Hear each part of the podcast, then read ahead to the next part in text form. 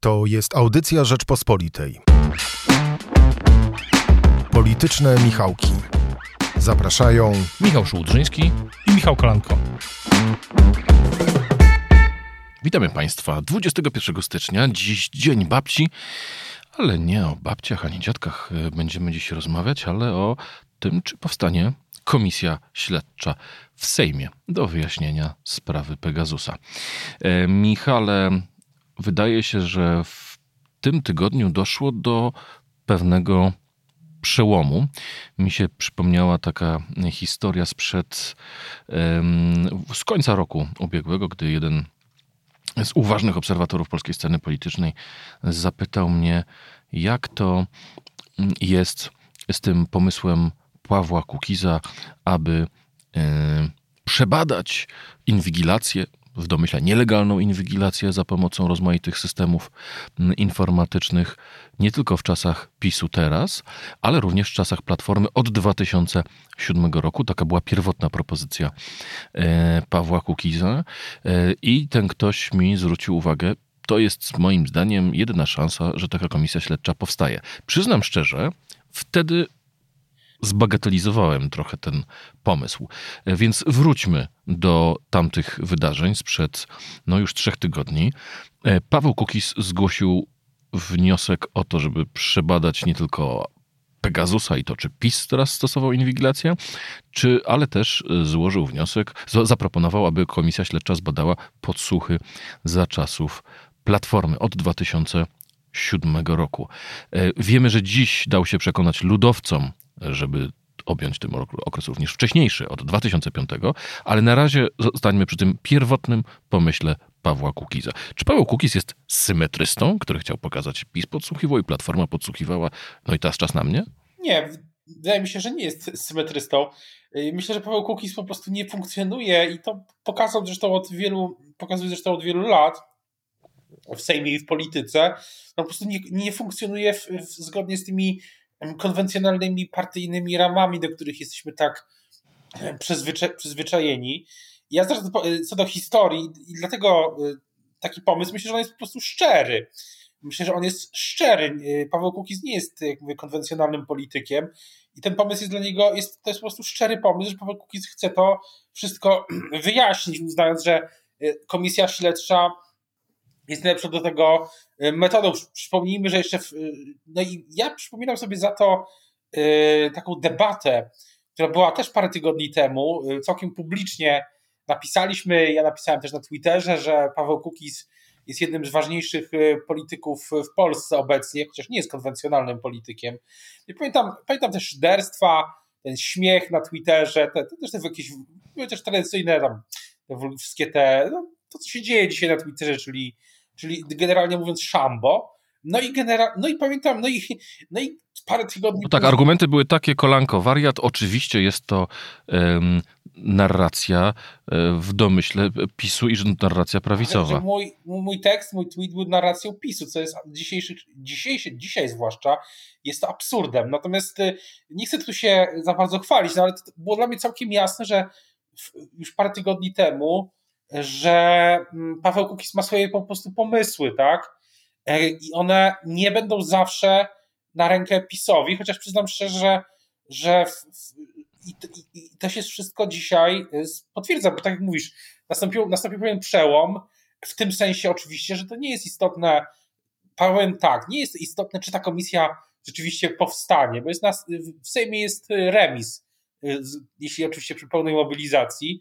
Nie jest istotne, czy ta komisja powstanie, czy nie, dla, dla y, inaczej, jest to istotne, ale istotne rzeczy już się wydarzyły, bo opozycja po raz pierwszy zaczęła o czymś rozmawiać z Pawłem Kukizem. Pewien wyłom, jeśli to tak y, rzecz ujmując, i to mówią politycy też opozycji, moi rozmówcy, pewien Rubikon został przekroczony.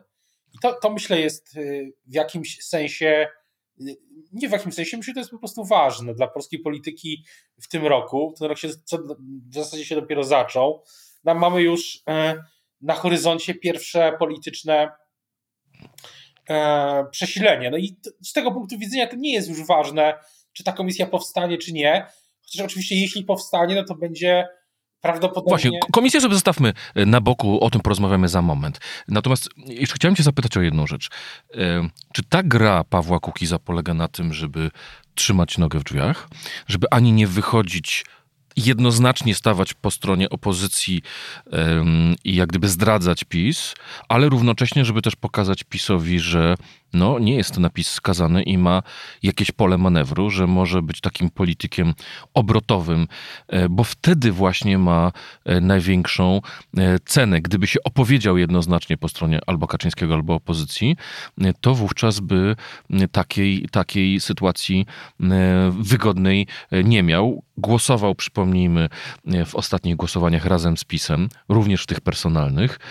Na przykład, jeżeli dobrze pamiętam, w sprawie odwołania ministra Czarnka był e, za, głosował razem z PiSem e, w wotum nieufności, ale teraz na przykład zapowiedział, że nie będzie za zwolennikiem uchylenia immunitetu e, dla prezesa NIK-u Mariana Banasia. Mówi, że on jest szczery, ale jaka logika? Jaka jest logika za tą szczerością? Postanowienie programowe i nigdy nie ukrywał, jakie to są postanowienia na sędziowie pokoju. Jest szczery, bo nie jest politykiem w takim konwencjonalnym partyjnym sensie i to, że ma, jest teraz języczkiem uwagi, jak niegdyś Jarosław Gowin, to jest myślę czynnik, który sprawia po prostu, że ta sytuacja jest dosyć nieprzewidywalna, bo o ile y, myślę Paweł Kukiz chce w jakimś sensie, czy chce, no jest zadowolony z tego porozumienia programowego, no bo sprawia, że ono realizuje, że ono, że, że wykonuje częściowo przynajmniej na razie, bo nie wszystkie te ustawy oczywiście jeszcze weszły w życie, to tylko to mam na myśli. Te swoje pomysły programowe ma też nowe pomysły programowe, jak na przykład bezprogowe referenda lokalne, nie oczywiście od razu, to zresztą byłoby ważne dla samorządowców, bardzo ważne nawet, dużo by zmieniło, jeśli to wejdzie w życie.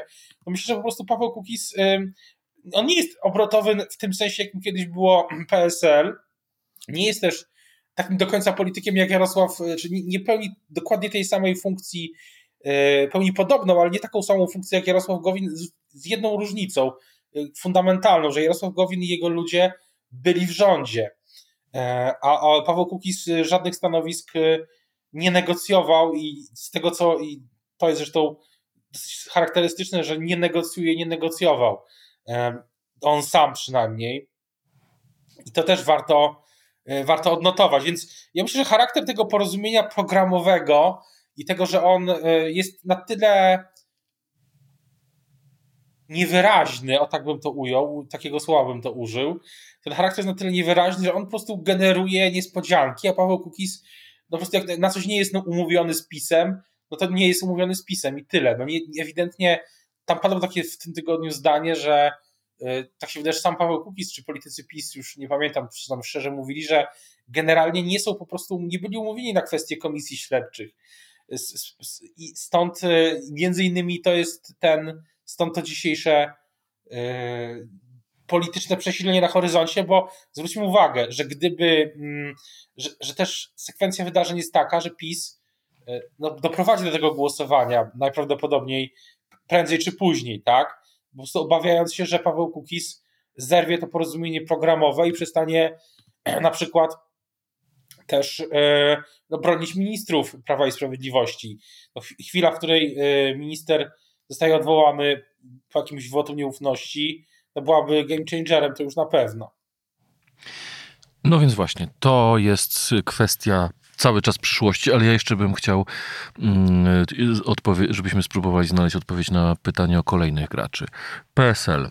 To PSL przekonał Kukiza, żeby rozszerzyć mm, działania komisji o te dwa lata, czyli również pierwsze rządy PiSu. Jaka była tutaj kalkulacja e, ludowców? Przypomnijmy, oni, jeżeli pamiętam, jako pierwsi powiedzieli, że są zwolennikami e, pomysłu Kukiza, mimo że no, współrządzili w latach 2007-2015 razem z Platformą Obywatelską. W co tutaj gra? Kalkulacja ludowców jest taka jak y, zawsze w tym Sejmie, zwłaszcza w tej ostatniej kadencji, żeby być, y, żeby rozgrywać y, sytuację, żeby pokazywać sprawczość jako taka umiarkowana siła w ramach opozycji, a nie opozycja totalna. Tak było przy RPO i wielu innych sprawach, więc myślę, że to jest dosyć prosta kalkulacja, to odnotujmy jeszcze z kronikarskiego obowiązku, że w tym tygodniu doszło do bodajże chyba pierwszej, a nawet na pewno pierwszej wspólnej konferencji prasowej w Sejmie w sprawie cen nawozów sztucznych e, pana e, przewodniczącego, prezesa Kosiniaka-Kamysza i przewodniczącego Agrounii Michała Kołodziejczaka, który mówił, że w imię e, tak, sytuacja jest tak poważna, jeśli chodzi o rolnictwo, że, jest, że trzeba przekroczyć mm, pewne schematy, podziały i wystąpić wspólnie. To, to też warto odnotować. E, kolejny, kolejna partia, która zapowiedziała, że e, poprze komisję, a nawet zgłosi kandydata na swojego przewodniczącego, to Konfederacja. E, dlaczego Konfederaci chcą w tej sprawie iść razem z tak zwaną wolnościową czy liberalną opozycją, czy demokratyczną, to się nazywa? Myślę, te, te rozmowy, znaczy ja rozmawiałem niedawno z politykami Konfederacji, no i oni zwracają uwagę, że oni jako pierwsi w ogóle zwracali za to uwagę na sprawę e, Pegasusa, taka jest, e, e, taka jest ich linia. Ja, myślę, że to jest, ja myślę, myślę, że Konfederacja, Konfederacji zależy też na pokazywaniu właśnie takiemu wolnościowemu elektoratowi, że oni nie są spisem, zwłaszcza w chwilach, gdy można się łatwo, ładnie odróżnić, tak? No i tu się ładnie odróżniają, bo PiS ewidentnie tej komisji nie chce, to też jest warte podkreślenia. Wydaje się, że w ogóle, że w tym tygodniu PiS, że w ogóle początek roku jest dla Prawa i Sprawiedliwości pewnymi usiany pewnymi niespodziankami. Jedna niespodzianka y, bardzo poważna, no to już ją omawialiśmy w naszym podcaście, czyli oczywiście kłopoty Polskiego Ładu no politycy PiS się spodziewają, że w końcu one się roz, rozwiążą, no ale były. Ta druga niespodzianka no to myślę, że jest ten przebieg wydarzeń teraz. Jeśli chodzi o Kukiza i, i komisję, i komisję, komisję śledczą, natomiast Konfederacja no po prostu szuka y, różnic z PiSem, no i w sprawach takich właśnie y,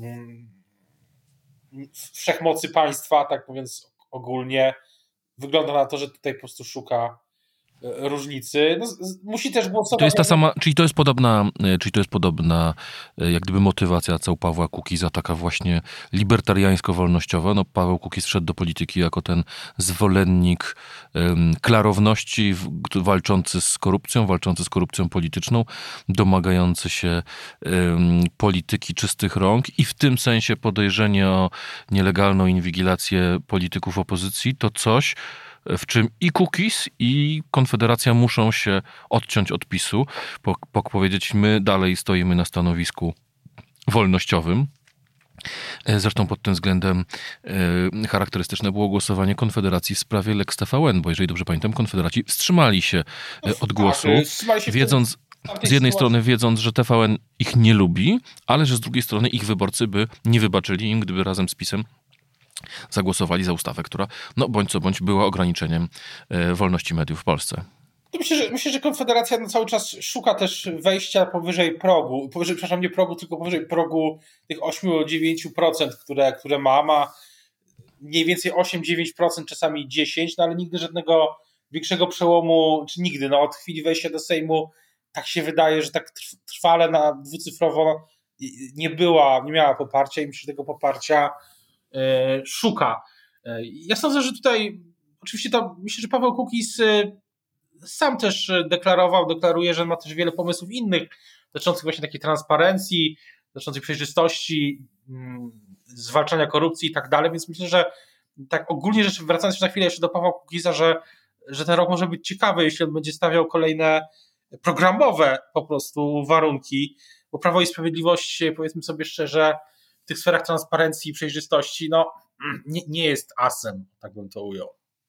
A, to prawda. E, powiedz mi jeszcze taką rzecz. E, najciekawszą woltę w sprawie, e, w sprawie komisji śledczej chyba przeprowadziła Platforma Obywatelska, która bardzo kręciła nosem, jeśli chodzi o pomysł Pawła Kukiza, ale e, tak w piątek, w środę wieczorem doszło do spotkania Kukiza z Borysem Budką. Ty mówiłeś właśnie o tym, że to jest to ważne wydarzenie, że opozycja zaczęła rozmowy z jeśli Kukizem. inicjatywa była po Potem w stronie... poniedziałek, a potem we czwartek, tylko przepraszam, e, dokończę. We czwartek e, e, pre- premier Donald Tusk, przewodniczący Platformy Obywatelskiej, były premier, powiedział, tak poprzemy tę komisję śledczą. Co się wydarzyło w Platformie? Jaka tutaj jest pomysł za, za, za, za tym, za tym działaniem i Borysa Budki i Donalda Tuska? To jest oczywiście, to oczywiście jest y, pytanie, kto do kogo przyszedł. Y, Tam słyszałem z kuluarów, to bardziej jednak y, była inicjatywa Pawła Kukiza, no ale w każdym razie do spotkania, do spotkania doszło. To znaczy spotkania do spotkania, spotkań doszło, rozmów doszło, tak jak mówiłem, no to jest pewien polityczny, moim zdaniem, przełom, nawet jeśli ta komisja nie powstanie, no bo pamiętamy wszystkie te, no powiedzmy sobie szczerze o Belgii, które leciały z ust polityków Platformy pod adresem Pawła Kukiza w ubiegłym roku. No i żeby, żeby porozmawiać y, po, takich, y, po takiej fali hejtu, mm, no to trzeba pewnego, pewnej odwagi, myślę, może odwaga to nie, nie wiem, czy to dobre słowo, pewnego no, woli, Wielkoduszności. no, woli politycznej, tak. Paweł, Kukizowi rzeczywiście na tej komisji musi zależeć, skoro rozmawiał nawet z Platformą. O tym nawet z Borysem Budką, który nazywa Pawła Kukiza różnie na Twitterze, tak bym to ujął. Chyba taki był ku- kupis. Tak się, tak się chyba Borys Budka o nim, o nim y, wy, wyrażał. Natomiast, y, a, natomiast zwróćmy uwagę na jedno, że, że na przykład teza, że bo teza o tym oczywiście, że opozycja powinna rozmawiać z Pawłem Kukizem nie jest dzisiaj już szczególnie odkrywcza. Pamiętam też, że, że taką tezę miał, ma i miał równolegle ze mną niejako z nami przewodniczący klubu jagiellońskiego Piotr Trudnowski. Na niego zresztą też ra- co rusz spada taka fala, nazwijmy to, niechęci na Twitterze, zastawianie różnych tez, ale y, taka teza była u niego od, od dawna. Myślę, że to, to jest, tak jak mówię, to jest ważne, że Platforma też zrozumiała, że no, politykę nie, nie prowadzi się właśnie za pomocą wzniosłych haseł na Twitterze czy innych e, epitetów. Co z tego będzie, to, to nie wiem. No, ta Volta jest też dosyć e, ciekawie obudowana przez przewodniczącego Tuska, który mówi w ogóle, co zwróciło moją uwagę, to żaden sojusz, żadna koalicja, że, że to jest tylko wspólny pomysł. Tak jakby e, no to było coś złego ogólnie jednak dalej, żeby się tak e, nazywać, żeby nazywać to współpracą chociażby. Chociaż oczywiście Paweł, przewodniczący Tusk ma rację, że to żaden sojusz z Pawłem Kukizem, to żadna, żadna mm, koalicja. Ja zresztą spodziewam się, że może być tak, że nawet jeśli nawet ta komisja powstanie, to nie jest przesądzone i ona będzie działała, e, to e, Paweł Kukiz pozostanie w tym sojuszu programowym, w jakimś sensie też politycznym spisem i na przykład dalej będą, opozycja pewnie zgłosi kolejne, kolejny wniosek o wotum nieufności. No nie wiem, dla może któregoś z ministrów, który. No, teraz jest mowa o, wniosku, o wniosku e, wobec wotum nieufności, o wniosku o, wotum nieufności e, wobec, mm, wobec e, ministra Adama Niedzielskiego. Na przykład, albo, albo ministra, ministra Kamińskiego ponownie. I myślę, że Paweł Kukiz, nawet jeśli komisja będzie działać i nawet jeśli, co się też może zdarzyć, będzie jej przewodniczącym, to y, dalej będzie głosował z Prawem i Sprawiedliwością, żeby tych ministrów bronić. Taka, taki dualizm może nastąpić w tym, w tym roku. Y, Nawet jeśli Kukiz i jego grupa, jeśli pozostaną oczywiście spójni, bo to też jest y, ważne, będzie y, na przykład też różnił się pięknie z pisem w innych, za to będzie się różnił pięknie z pisem w pewnych sprawach, na przykład swoim przez ciebie immunitet Mariana Banasia czy ustawa Hoca dotycząca szczepień i, i koronawirusa. Bo i przeciwko odebraniu immunitetowi Marianowi Banasiowi i przeciwko ustawie pozwalającej pracodawcom sprawdzać, czy są szczepieni i testowani e, pracownicy, jest Paweł Kukiz. Dobrze, to na momencik... Mówię, jednocześnie ja nie przes- przestrzegałbym, myślę, że myślę, że to nie jest tak, że jeśli ta komisja powstanie, to oznacza od razu, że będą y, wybory. Myślę, myślę, że cały czas pozostaje w mocy to, co kiedyś powiedział podobno prezes Kaczyński na jednym z posiedzeń klubów PiS w ubiegłym roku, że porażki w głosowaniach personalnych, czyli odwoływanie ministrów przez opozycję, mówiąc już tak w skrócie, to byłby przyczynek do wcześniejszych wyborów, bo też z tego, co rozumiem, politycy Prawa i Sprawiedliwości mówią, że ta komisja śledcza tak w kuluarach, no była, była że, że, przepraszam, sprawa Pegasusa, nie, nie komisja śledcza, tylko że sprawa Pegasusa w ogóle ludzi nie grzeje, a przynajmniej ludzi spoza bańki antypis. No więc teraz przejdźmy do samego e, PiSu. Co zrobi PiS? Czy podda wniosek pod głosowanie e, o powstanie e, komisji śledczej? Ma na to bądź co bądź cały kwartał, nawet więcej, żeby to schować.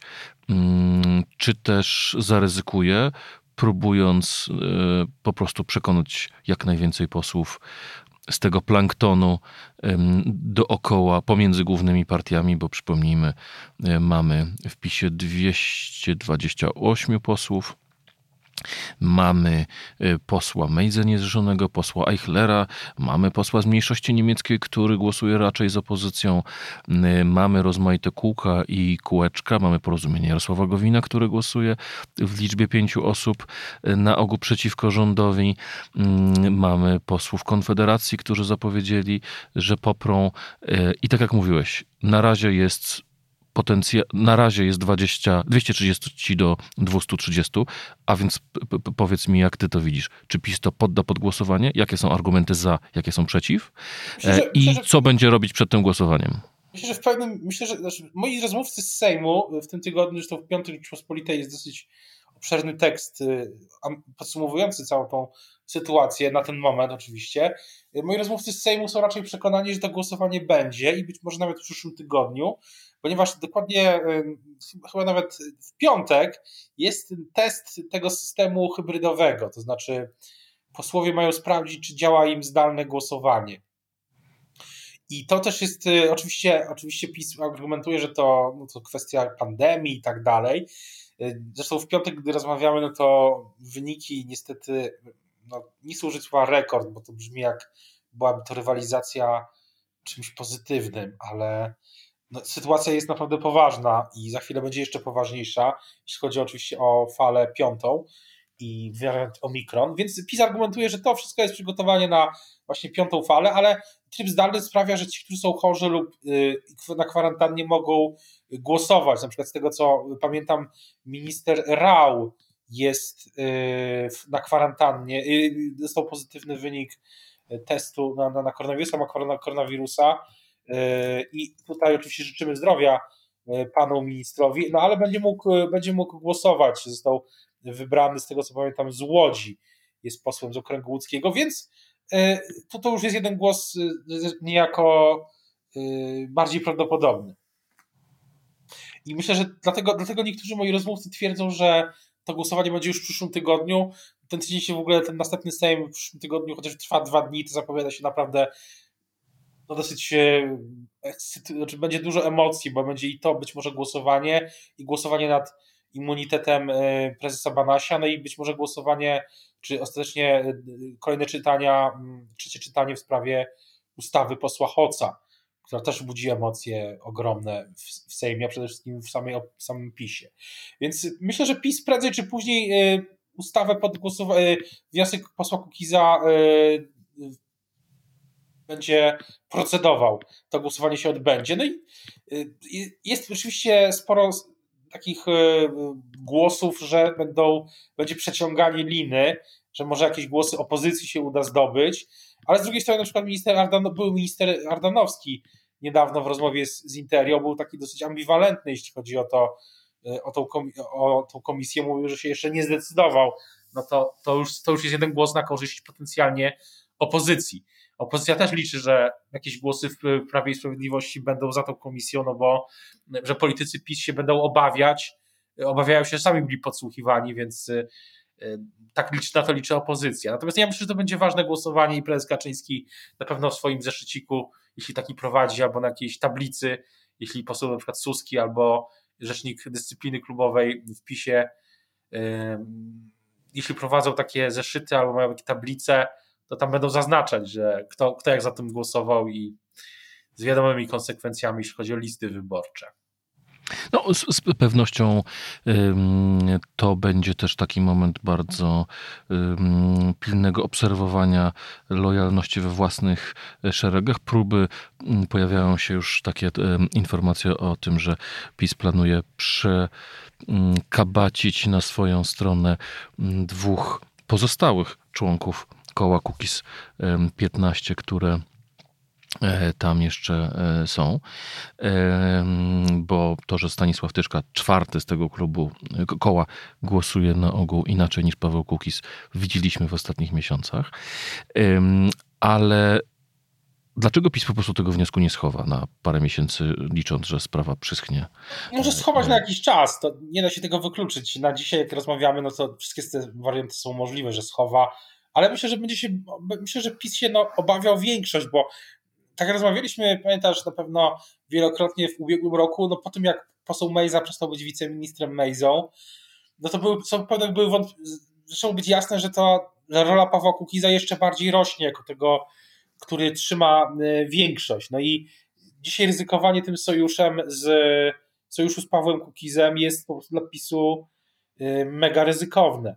Więc ja uważam, że, że PiS lepiej PiS będzie wolało głosować tę komisję, nawet jeśli ona jest nie na rękę Jarosławowi Kaczyńskiemu, mm, no bo będą wyzywani politycy PiSu w różnych y, konfiguracjach, że tak się wyrażę. Nawet jeśli ta komisja nie będzie wprost pracowała od razu w sprawie Pegasusa, no to nawet jeśli będą, no w każdym kontekście można kogoś wezwać, tak? Zależy się od jej składu osobowego, układu sił i tak dalej, no ale jednak ta komisja jest na, nie, byłaby nie na rękę bardzo, hmm, chociaż oczywiście, dlatego, ale wydaje mi się, że ważniejsze dla PiSu jest utrzymanie tego, tego sojuszu i tego, żeby Paweł Kukiz w sprawach personalnych i takich proceduralnych też, wnioskach tych wszystkich o przerwę i tak dalej, o wnioskach formalnych, etc., głosował z Prawem i Sprawiedliwością. Myślę, że to jest po prostu e, najważniejsze z punktu widzenia tej większości, no bo cały czas ta doktryna jest prosta, że wybory mają być e, jesienią przyszłego roku. E, w takim razie chciałem Cię zapytać o jedną jeszcze rzecz. Jak oceniasz to, co dotychczas ustaliła komisja senacka, e, bo no nie, nie, sposób mówić o tym, jak będzie mm, wyglądała komisja śledcza, która ma znacznie szersze uprawnienia, e, no nie, od, nie, nie się do tego, co mm, od poniedziałku kilkanaście osób zostało przez komisję wysłuchanych. I jakie wnioski płyną z tego, co robi zespół pod kierownictwem mm, senatora Bosockiego na razie, na razie powiem szczerze, e, na razie chyba takim highlightem tego, czy głównym takim w tym tygodniu najważniejszym wydarzeniem było to przesłuchanie, czy przepraszam, nie przesłuchanie, bo to nie jest e, komisja śledcza, wystąpienie e, prezesa NIK-u. Myślę, że to było najbardziej newsowe w tym, w tym tygodniu. Ja uważam, że sytuacja, w której, w sytuacji, w której przed tą komisją, przed tą komisją nadzwyczajną, czyli de facto zwykłą komisją senacką, która wygląda jak komisja śledcza, w sytuacji, w której e, w pewnym momencie przestaną, e, nie będą przychodzić siłą rzeczy posłowie PiSu, ani politycy PiSu, jak Jarosław Kaczyński, no to w pewnym momencie, tak mówiąc brutalnie, ta pula polityków, opozycji, ludzi, których dotknął, dotknęła sprawa Pegasusa, e, o których tak się wydaje, że dotknęła, jest skończona ta pula i w pewnym momencie ta komisja po prostu straci impet.